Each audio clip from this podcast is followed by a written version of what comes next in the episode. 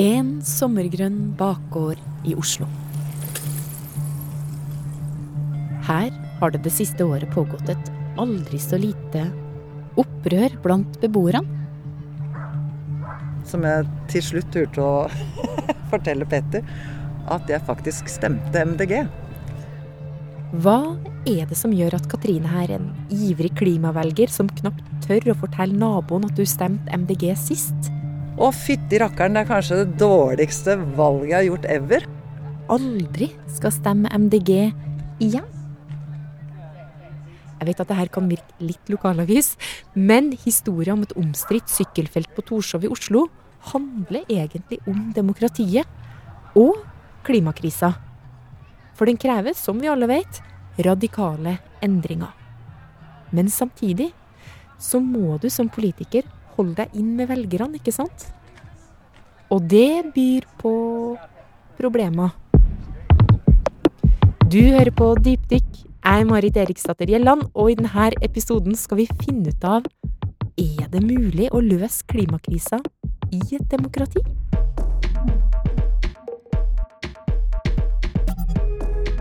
Hvis du skal ta en meter av hagen min, så skal du faen meg møte motstand. Jeg pleier å si at eh, handling endrer holdning. Dette koster for mye. Det kan koste min posisjon, det kan koste partiet stemmer. Ja, så da var det jo litt sånn platt tvist, da.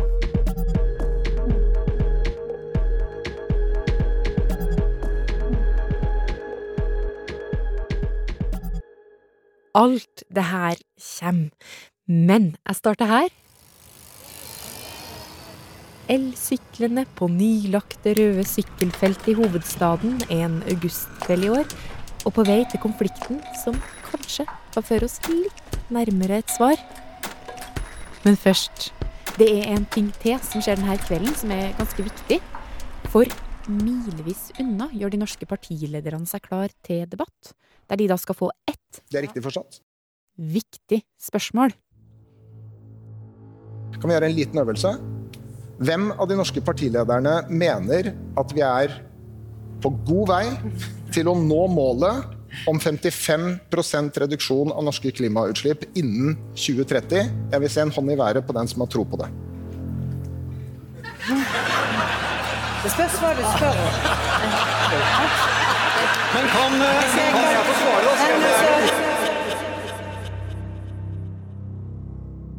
Og bare ei hånd går i været.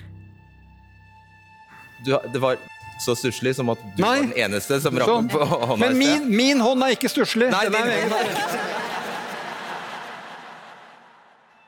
Jo, litt stusslig er det. Det er i hvert fall ikke lovende for denne episoden. Hva er det som gjør at politikerne ikke har troa på at de kan nå klimamålet? Kanskje det er så enkelt som at de bare har satt seg et mål som er umulig å nå? Kan du komme litt nærmere? Jeg kommer veldig nærme, ja. Altså. Det er bra. Hvis det er det politikerne innerst inn tror, så tar de faktisk feil. Ja, altså Vår rapport viser at det er mulig å nå målene.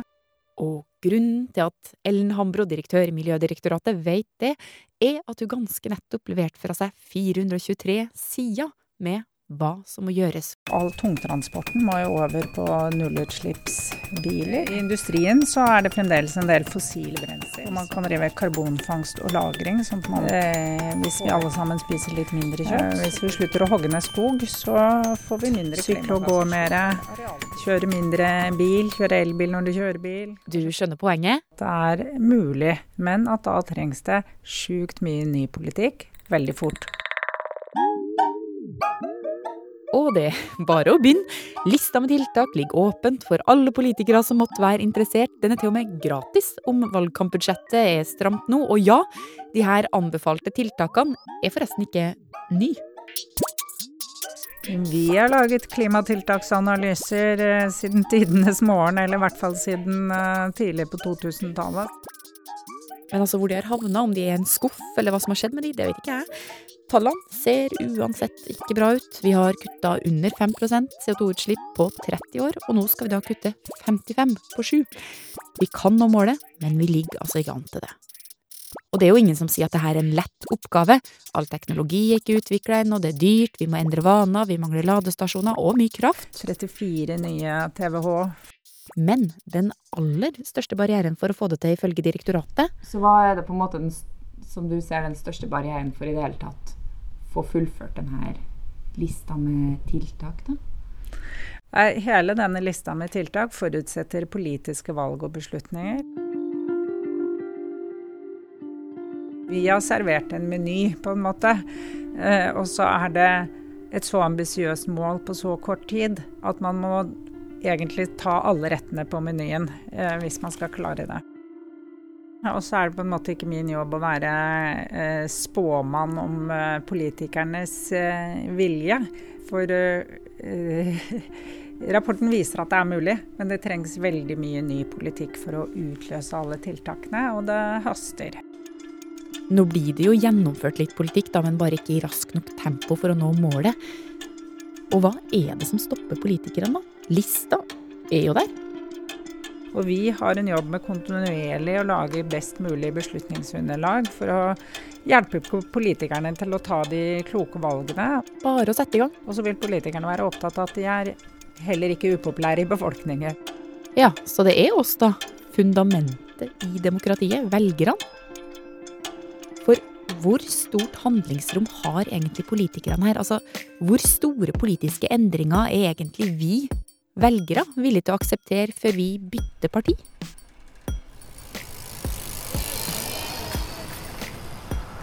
Og det er egentlig derfor da, jeg elsykler rundt på Torshov denne kvelden en stusslig eh, Ja, stusslig.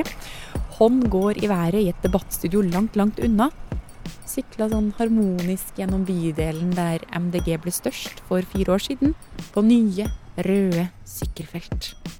Ei satsing som skal, ja, og det her er helt unødvendig å si, men friste folk til å velge sykkelen over bilen, og sånn sett få ned utslippene. Og endestoppet er da her.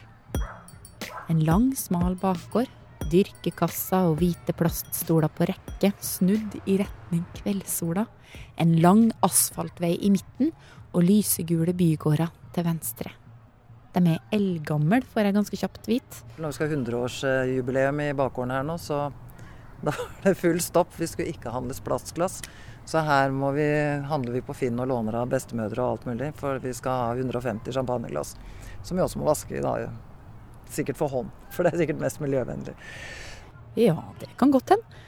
Og det her miljøengasjementet, da, er nok viktig å ha med seg videre. For det står nesten litt sånn i kontrast til kampen noen av naboene har kjempa det siste året.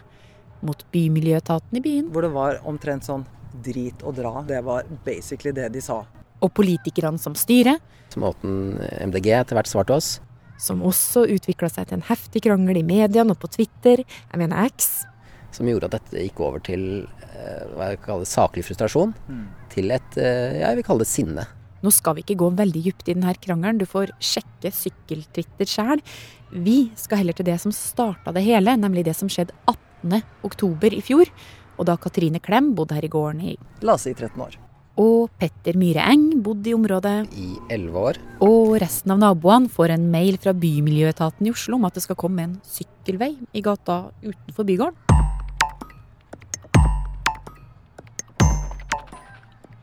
Og i den forbindelse, som de først sa, fjerne mellom 80 og 110 parkeringsplasser. Arbeidet skulle da begynnes, startes opp i januar-ish.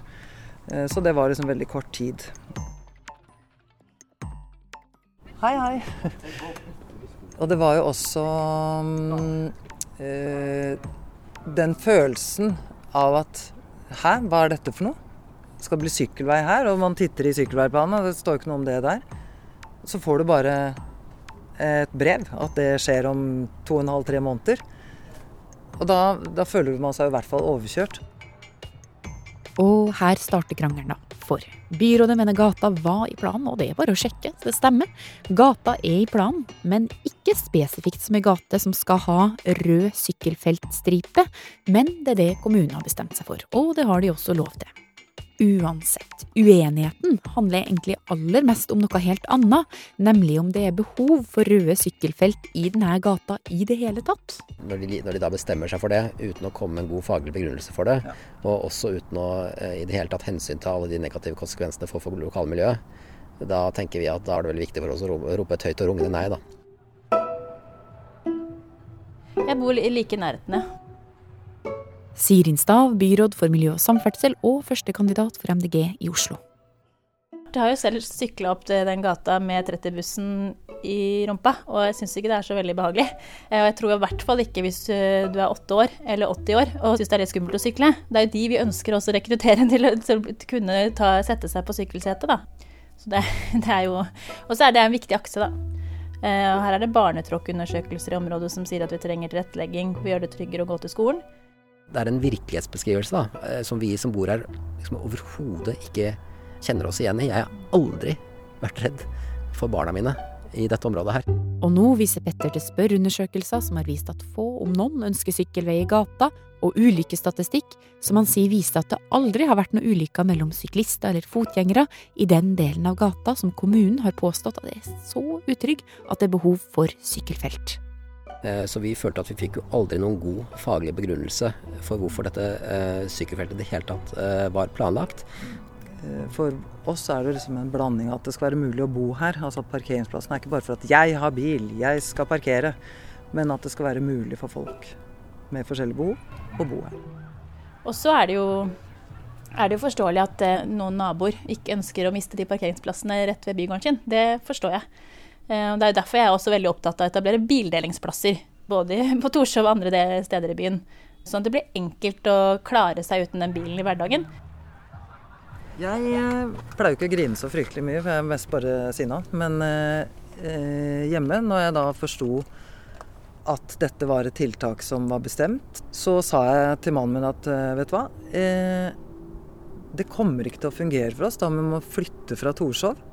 Fordi det livet vi lever, det, det, lar seg ikke gjennomføre uten bil. Vi prøver, vi lar bilen stå masse, men vi må ha bil. Og vi kan ikke ha delbil.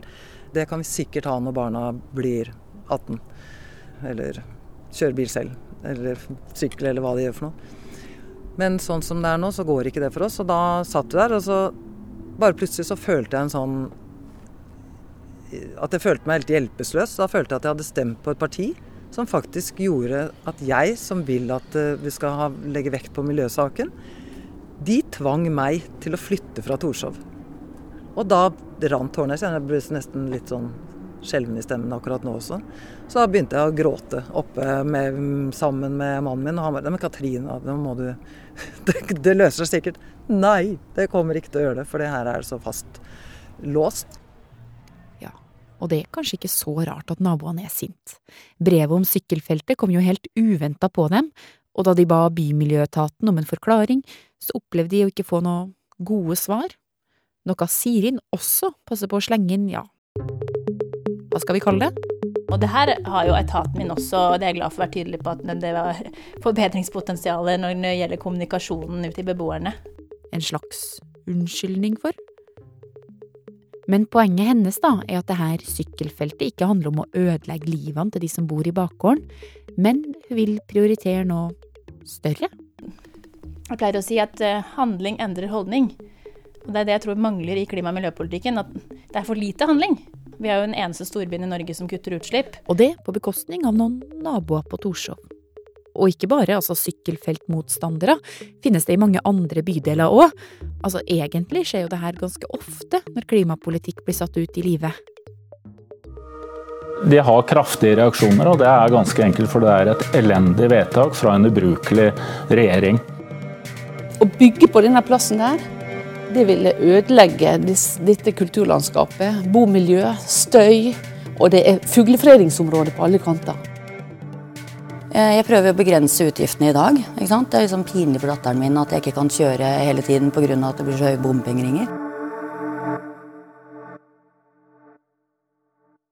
Hvor går egentlig grensa da for hvor radikale endringer befolkninga tåler? Hvis grensa går ved et sykkelfelt, da blir det i hvert fall vanskelig for det her demokratiet å kutte. Hvis du skal ta en meter av hagen min, så skal du faen meg møte motstand. Ja, navnet mitt er Anders Todal Jensen. Jeg forsker på det som kalles politisk atferd. Altså, han forsker på oss. Og hvor vår grense går? Det, det, spørsmålet her er jo lett å undervurdere, fordi at eh, veldig mye av politikk handler jo om hvem eh, skal få gevinstene, og hvem skal bære byrdene. Som Sirin sier. Du prioriterer det store flertallet som sykler, går og reiser kollektivt. Mm, nettopp. Ikke bilkjørere på Torshov. Og noe av det som uh, skjer uh, veldig ofte, det er jo at gevinsten ved politisk tiltak havner et sted, og belastningene ved det havner et annet sted. Og om vi da skal kikke litt utenfor hovedstaden nå? Altså, kommer du utenfor de største byene, så er folk helt avhengig av privatbil. Få busser, få ladestasjoner, og så Så kommer klimatiltaket fra Oslo. Dieselavgift og elbilsubsidiering. Det husker vi jo fra forrige lokalvalg. De ute i distriktene de oppfatter dette som veldig veldig vanskelig, og at de bærer i praksis byrdene da, for en politikk som alle i større eller mindre grad får nytte av. Men det her med å ofre seg for fellesskapet noe større, det er jo noe vi mennesker gjør ganske ofte uten å protestere noe særlig. Folk tar fri fra jobb og skole for å demonstrere for klima mot vindmøllepark, men da, sier Anders, da gir det også mening å ofre seg, fordi du tror eller har et slags håp om at det nytter. Men å ofre livskvaliteten sin for en sykkelvei, eller om du bor i ei bygd uten ladestasjon og må ofre budsjettet for å få fylt dieselbilen så du kommer deg på jobb, det er noe annet et slags eh, offer helt uten mening. Det nytter å sørge lite hvis ikke de store forurenserne begynner å, å røre på seg. Sånn sett så, så, tror jeg på en måte det ofte skaper en motløshet hos folk hvis du prøver å ansvarliggjøre dem. Det er din skyld hvis eh, temperaturen stiger og klimaet blir våtere og villere. Da tror jeg du rett og slett bare gjør at avmaktsfølelsen vokser, og kanskje i noen tilfeller så vil folk vende seg mot deg. Altså, eh, du, hvis du krever store offer av uh, folk for en politikk som de oppfatter at er helt meningsløs, det vil ikke spille noen rolle, ja, da vil de reagere negativt. Og det ja, beskriver vel stemninga på Torshov ganske godt å tro at dette tiltaket her eh, ville fått noe som helst klimaeffekt, det syns jeg er liksom temmelig virkelighetsfjernt. Tror ikke det vil være liksom deal-breaker for miljøsaken. Så som jeg til slutt turte å fortelle Petter, at jeg faktisk stemte MDG ved forrige valg, kommunevalget. For at det skal være god luft for folk som bor i byen, og barna som bor her. Og fytti rakkeren, det er kanskje det dårligste valget jeg har gjort ever. For jeg har aldri i hele mitt liv følt meg så overkjørt. For noen av oss så er eh, mange av disse spørsmålene mest teori. Eh, det handler mest om klimarapporter og kommisjoner som mener det ene og det andre, og FNs utspill sånn og sånn. Eh, mens for andre så handler det om praktisk hverdag. Det handler om hvordan lokalsamfunnet blir eh, omforma. Det handler om transportbehovet du har fordi du bor avsides, langt unna lege, langt unna butikk eh, kanskje. Eh, veldig konkrete eh, hverdagslige eh, problemer som oppstår eh, om den politikken som kan være effektiv og virksom sett fra Oslo, implementeres lokalt for det fins mennesker som er avhengig av en bil. Alle kan ikke ha delebil. Det fins innbyggere som ikke er bare mellom hipstere mellom 18 og 30 år. Hm. Så det blir en sånn den urettferdighetsfølelse da, som blir Ja, eh, rett og slett. Hm. Eh, det er faktisk lært at urettferdighetsfølelsen er den, en av de kraftigste følelsene vi har.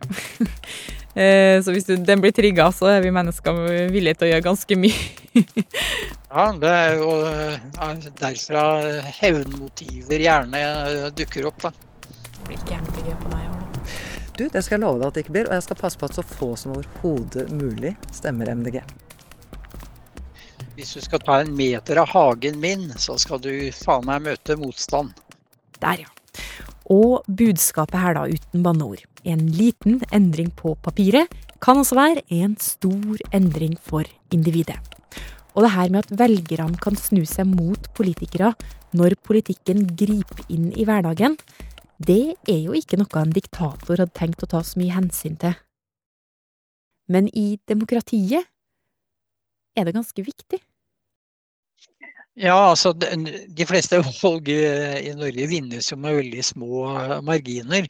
Eh, så det skal ikke så store bevegelser eh, i en velgermasse til før man taper et valg. Ikke sant. Og da er jo det store spørsmålet hvordan man får gjennomført viktige endringer i et demokrati i det hele tatt. Jo, sier Anders, man gjør det faktisk hele tida. Er regjeringa Solbergs plattform fra 2013. Vi legger bare ikke merke til det. Trygdeforlik, for eksempel. Fordi endringene skjer litt og litt og litt og litt. Og på den måten rekker det ikke å bli stor nok eller høylytt nok motstand til at det får noen politiske konsekvenser. Men for å få til det her må du jo ha jævlig god tid. Og det er jo ikke akkurat det norske politikere har gitt seg sjøl når det kommer til utslippskutt. Dette har Norge tatt på alvor, slik at vi nå melder inn til FN 55% Det er dystert internasjonalt. Klimaendringer som pågår, det vil få store konsekvenser for mennesker og natur. Og det er et veldig alvorstungt budskap. Gjør at vi er et av de første landene i verden som gjør det. Og vi er det første vestlige landet som nå varsler at vi vil forsterke vårt klimamål.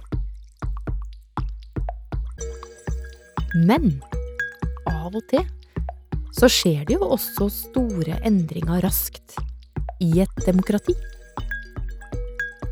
Det var litt sånn hvis jeg ville være helseminister, måtte jeg gjøre dette. Sikkert ikke jeg gå av.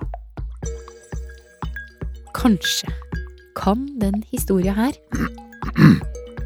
gi noe svar Er vi på lydprøven fortsatt? på hva som gjør at partilederne i denne debatten da nøler sånn. Ok. Jeg heter Dagfinn Høybråten. Jeg er eh, generalsekretær i Kirkens Nødhjelp. Og jeg fyller bare på. Tidligere KrF-leder, tidligere helseminister, tidligere rådmann, trygdedirektør, en evighet på Stortinget og mannen som i 2004 innførte røykeloven. Hvis man skal ha noe gjort, så må man av og til ta noen kontroversielle valg.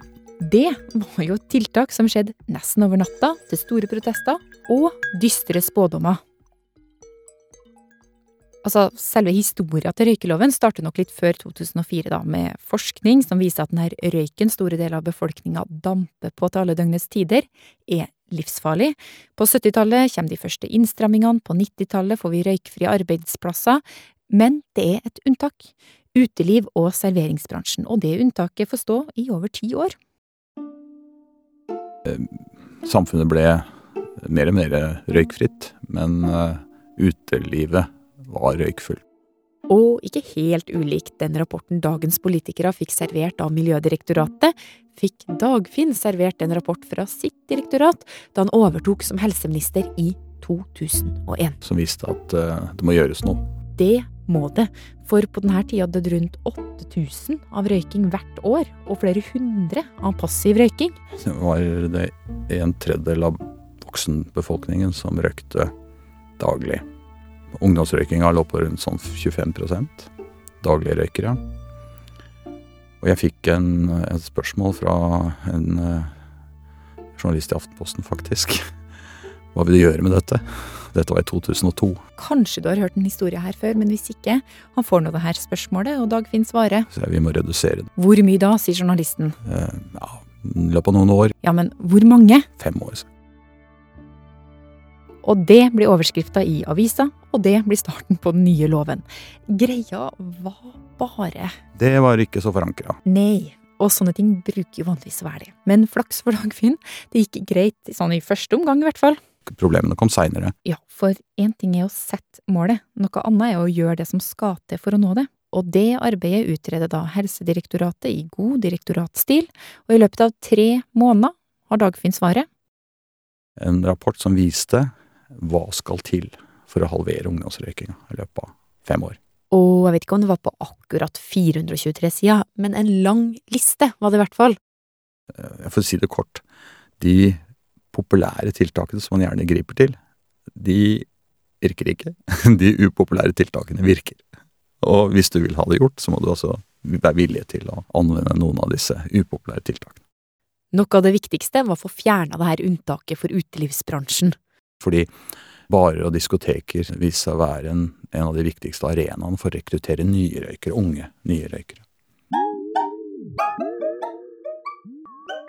Ja, det kan jo høres enkelt ut å få gjort de her endringene i dag, men på tidlig 2000-tallet er det her kontroversielt.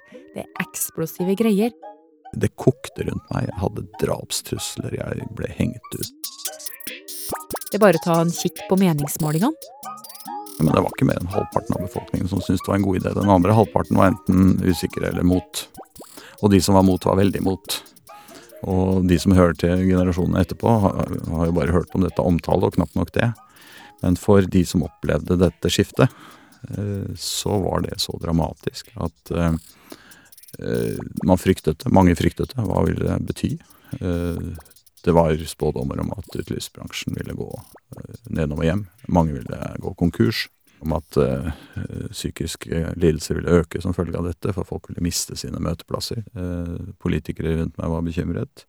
Og fra folkedypet kom det jo også i media liksom skjellsord. Uh, Mulla Høybråten, Osama bin Høybråten, Ayatollah Høybråten. Altså jeg ble jo sammenlignet med Hitler og av de verste autoritære ledere i verden. Og det, det, det, trigget selvfølgelig litt mer useriøse, men allikevel ganske farlige krefter i folkedypet. Det gikk jo så langt at i en periode måtte jeg ha livvakter døgnet rundt. Og kunne ikke bevege meg på åpen gate. I denne debatten må da Høybråten og resten av Høyre-KrF-regjeringa ta et valg. Skal de trosse opprørte folk og innføre en lovendring de vet kommer til å redusere røykinga og dødeligheten på sikt? Det høres jo ut som en no-brainer, men det er det ikke.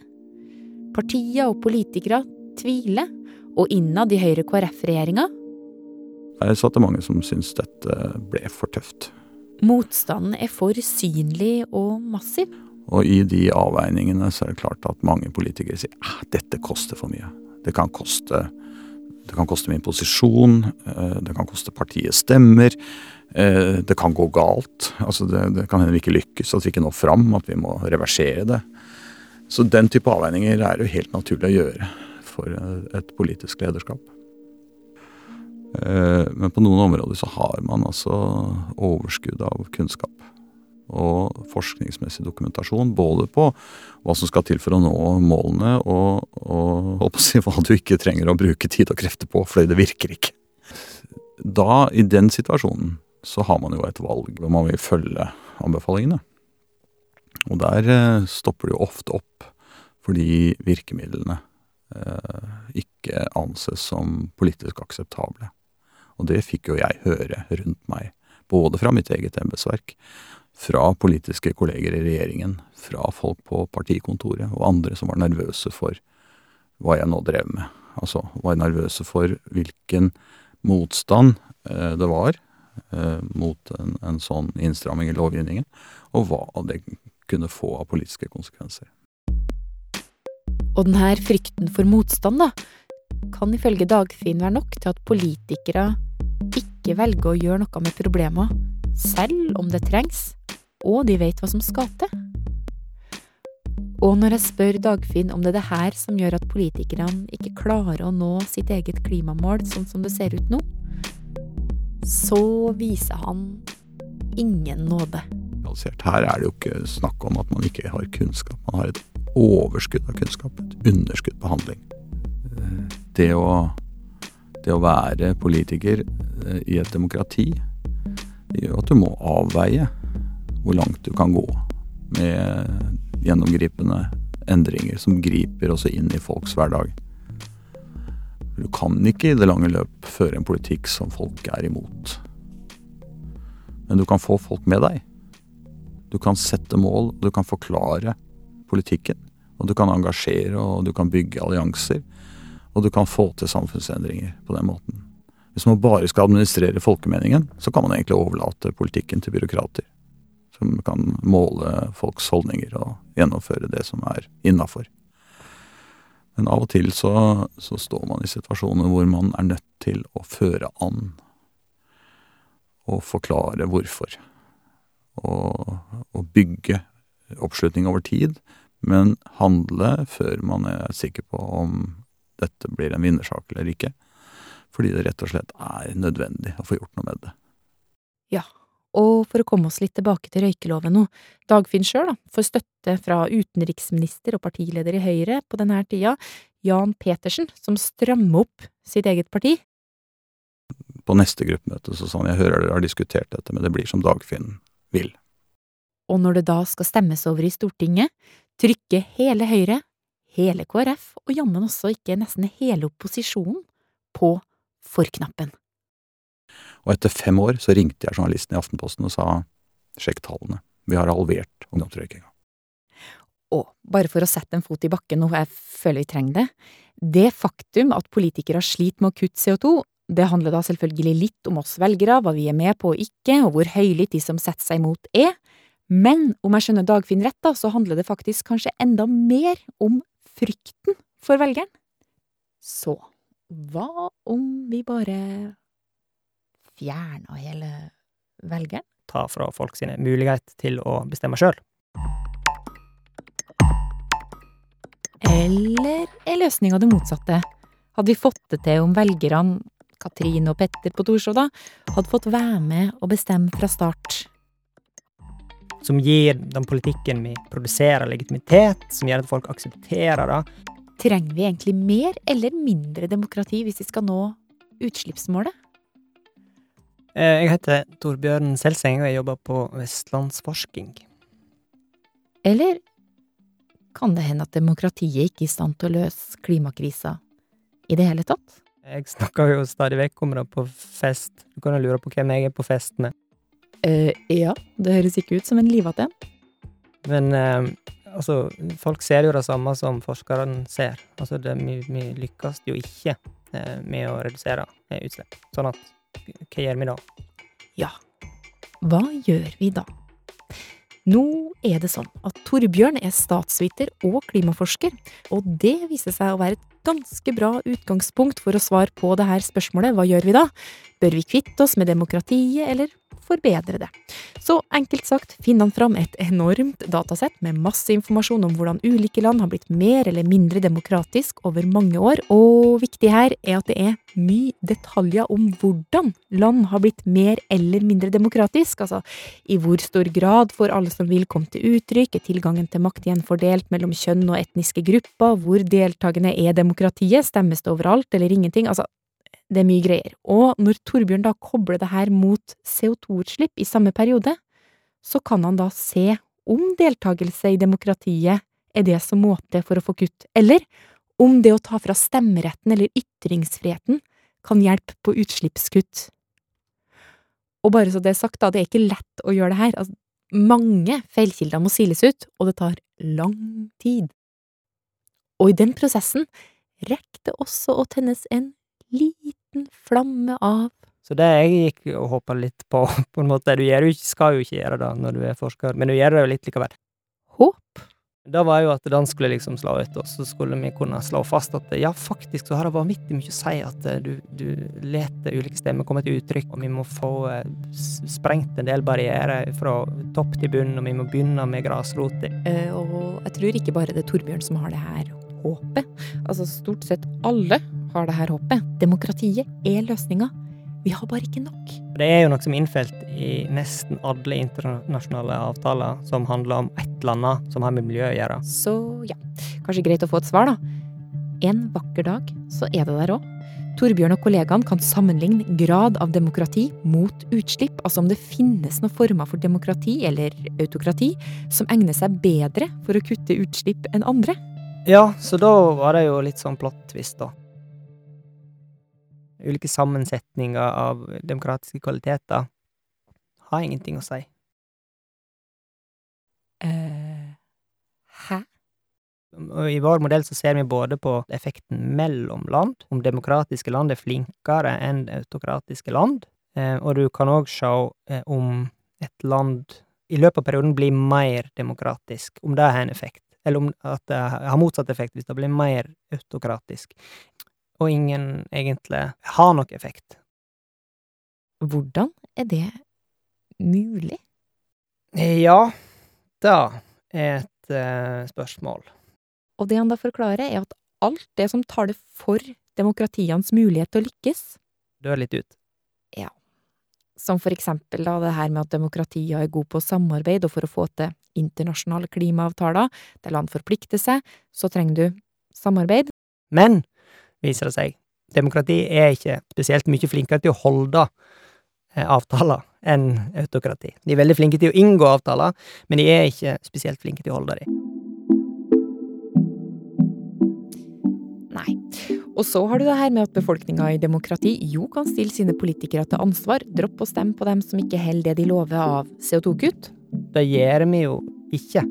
Ok, Men en annen ting da som en skulle trodd var en styrke i et demokrati, er jo at folk fritt kan organisere seg, streike for klima og tvinge fram politikk på den måten. Men eh, oljelobbyen har jo frihet til å uttrykke seg og organisere òg, på en måte.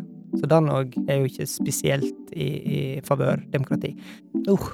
Så det fjerde poenget det er at eh, altså tidshorisonten for klimautslippsreduksjonstiltak den er veldig lang. Sant? Så hvis vi gjør et tiltak, tiltak nå, så kan ikke du høste fruktene av de mens du sitter i regjering. Så det er ikke noen sånn umiddelbar politisk gevinst som du kan høste av å gjøre utslippsreduksjonstiltak. Men en som ikke trenger å tenke på politisk gevinst i befolkninga i det hele tatt, er jo diktatoren. Og han kunne jo kanskje tenkt seg at en eller annen form for et autokrati kunne vært bedre til å kutte CO2? Nei. Nei? Ok, argumentet til Torbjørn, da. Siden du i et autokrati holder makta ved å please en liten elite, og ikke av å sørge for fellesgoder til befolkninga, så kommer du til å bruke budsjettet på helt andre ting enn klimatiltak. For det gir ikke eliten det de trenger her og nå. Du har ingen, det er ikke noe poeng i et autokrati for å, for å produsere felles gode, gode som kommer majoriteten til nytte. Og en ting til. Demokratier er bedre enn autokrati på nesten alle andre ting vi bryr oss om. Flinkere på å skape verdier, fordele verdier, og flinkere på å sikre kjønnslikhet og utdanning og helse. og eh, de er flinkere på nesten alle andre miljøindikatorer, så er demokrati mye, mye bedre. Ja, du kan ikke si at det er likegyldig, fordi at eh, demokrati er best. Bare ikke på CO2-utslipp, da. Der har det virkelig virkelig ingenting å si. Så det er, ikke, det er ikke et spørsmål som vi er ferdig med å undersøke. Vi er ikke fornøyd med konklusjonen at det ikke har noe å si, på en måte. Demokrati lykkes ikke av noen grunner, autokrati lykkes ikke av andre grunner. Eh, men vi vet jo at noen demokratiske land klarer dette her. Eh, Storbritannia reduserer masse. Sverige fikser biffen. Og så er jo spørsmålet er det fordi at vi har rigga styreformen på en viss måte, eller er det, er det andre grunner til det, da? Og litteraturen per dags dato, den finner jo ikke at styreformen er spesielt relevant for å se på dette her, så da er det andre ting. Og hva kan det være, da? Altså, jeg måtte bare åpne den boksen litt til slutt. Ok. For å gå fullstendig doomsday, da. Der, ja. Så finnes det rent historisk to utveier for samfunn som opplever store endringer i klimaet. Hell litt på spenninga der. Og grunnen til at vi vet det, er fordi menneskeheten har vært gjennom mye drit de 300 000 årene vi har eksistert. Oi! Og snublende inn her på slutten, da, professor i global historie ved Universitetet i Bergen. Jeg heter Eivind Helder Sæland. For tida skriver han på ei bok om hva som har skjedd sånn historisk når enorme klimaendringer har ramma kloden. Ingenting er som det vi er på vei nå, selvfølgelig. De er mye raskere, og de er mye mer dramatiske enn de vi har sett tidligere. Men bortsett fra det, da, så har vi som menneskehet opplevd klimaendringer før som forandra alt. Det er bare at hver gang har det blitt kaldere, da. Som for rundt 11.800 år siden i nærheten av Canada, da en enorm demning av iskaldt smelta brevvann holdt opp av isblokka bare brista. Og det ser ut som dette har bremsa eller stoppa Golfstrømmen. Ja, det går jo ikke bra. Forskerne er selvfølgelig ikke helt sikre, men det blir mye kaldere over hele jorda. To til fire grader kaldere på det nordlige halvkule. Isbreene begynner å vokse igjen. I Midtøsten for eksempel så fører det til mye mindre vinterstormer og regn, og da tørker bare alt sammen helt inn, og landsbyer forsvinner. Det er bare ikke nok mat. Men litt nærmere vår tid har vi jo det som bare blir kalt menneskehetens verste år. 536. Så var det et kjempestort uh, vulkanutbrudd. Og det blir veldig kaldt. Noen av de kaldeste enkeltårene som en har målt de siste 2500 årene. Ja, og det blir kanskje heller ikke noe særlig mye bedre av nye vulkanutbrudd i 540 og 547. Folk prøver å skaffe seg mat. Det fører til folkevandringer. Det fører til kriger og konkurranse om den maten som fins. En pandemi inntreff. Og den pesten som kommer i 541, det er faktisk den samme bakterien som forårsaker den, som den som forårsaker svartedauden på 1300-tallet. Og apropos den faktiske svartedauden. Den dukka også opp i en periode som bare kalles lille istid, og som varer rundt 500 år. Om vinteren så legger det seg is mellom Danmark og Sverige, over Bosporosstredet og på Themsen. Kanskje var det på grunn av et vulkanutbrudd, eller kanskje hadde noe med solaktiviteten å gjøre, eller hør på denne teorien om hva som kan ha skjedd da det ble ekstra kaldt på 1600-tallet. Perioden på 1600-tallet kan forbindes med at uh, urbefolkningene i Amerika uh, nesten dør ut. Over 90% dør av sykdom etter kontakten med europeiske befolkninger. Det gjør at mye av kontinentet vokser til med skog. Og uh, skogen binder da opp CO2, som har ført til mindre CO2-innhold i, i atmosfæren. Det er bare en teori, altså. Uansett. Det jeg skal fram til her, er hva som historisk bruker å skje når menneskesamfunn opplever klimakrisa. Enten så forsvinner de, altså dør eller flytter på seg fordi det blir for lite mat, eller så er det jo også noen som overlever. Og det er fordi de har funnet opp noe nytt. En innovasjon som ikke bare gjør at de overlever, men gir dem mer av det det var lite av, altså mer mat eller mer energi, og som igjen gjør at det blir enda flere folk. For 11 800 år siden ble jordbruket oppfunnet. Og dermed så har jordbruksteknologien langsomt, langsomt spredt seg ut fra, fra Midtøsten. Og i den lille istida ble det etter hvert mangel på brensel. Altså, da har det vært kaldt lenge. Men man finner da opp nye alternativer. Først kull på 1700-tallet, og siden også olje og gass. Og det er jo det her vi mennesker satser alt på nå. Innovasjon, teknologi, det grønne skiftet. Og vi satser vel kanskje mer på det enn demokrati. Bare et lite wild guess. Og rent historisk så er det jo også innovasjon som har gjort at det har gått bra. Og til og med klare seg bedre enn de har gjort uh, tidligere. På den andre sida Rent historisk så er det også et men, ja. Så ser vi jo at for hver gang vi endrer oss på denne måten, så blir vi også mer sårbare. Da vi la om til landbruk, så ble vi helt avhengige av uh, været for å kunne klare oss fra år til år.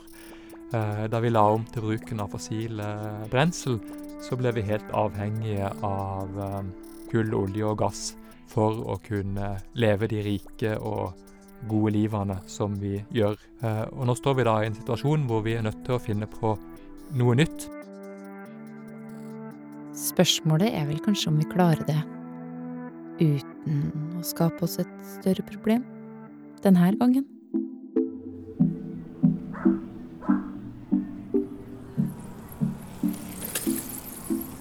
Oppi alt det her er kanskje ikke sykkelfelt på Torshov så veldig mye likevel. Eller kanskje det er nettopp det?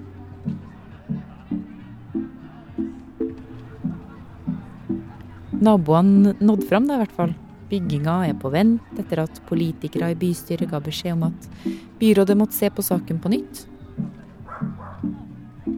Så nå vil man sette seg ned og se på, se på nytt og, og, involvere naboene, eller lokalbefolkningen.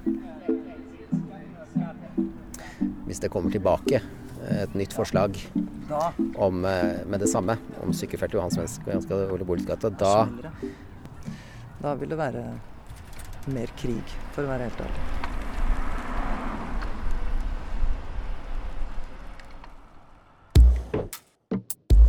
Og en ting til, bare. For du lurer kanskje på hvordan det gikk med Dagfinn og KrF etter røykeloven ble innført? Ehm, det, det, gikk jo ikke så bra med Kristelig Folkeparti før denne loven, og det har ikke gått så veldig bra etterpå heller. Det hadde faktisk kanskje ikke så mye å si. Men loven i seg selv, da, ble veldig populær. Dypdykk er tilbake igjen om to uker. Stor takk til alle som har bidratt i denne episoden. Katrine Klem, Petter Myhreeng, Sirin Stav, Torbjørn Selseng, Anders Todal Jensen, Ellen Hambro og Eivind Heldås Seland. Aftenposten-journalist Sondre Myhre har bidratt med faktasjekk, og lydklippene du hørte var fra NRK og VG. Jeg heter Marit Eriksdatter Gjelland. Lyddesign og musikk var Kjetil Bjørgan, Hanna Nordlien Berg og Peter Daatland er også en del av redaksjonen. Karoline Fossland er prosjektleder og Trine Eilertsen ansvarlig redaktør. Husk å følge oss i Podme eller Aftenposten-appen. Gjør du det, så får du beskjed så fort neste episode ut. Og da er det renta som skal få tur. For finnes det virkelig ingen andre alternativer enn å sette den opp? The world is ending. Hold me.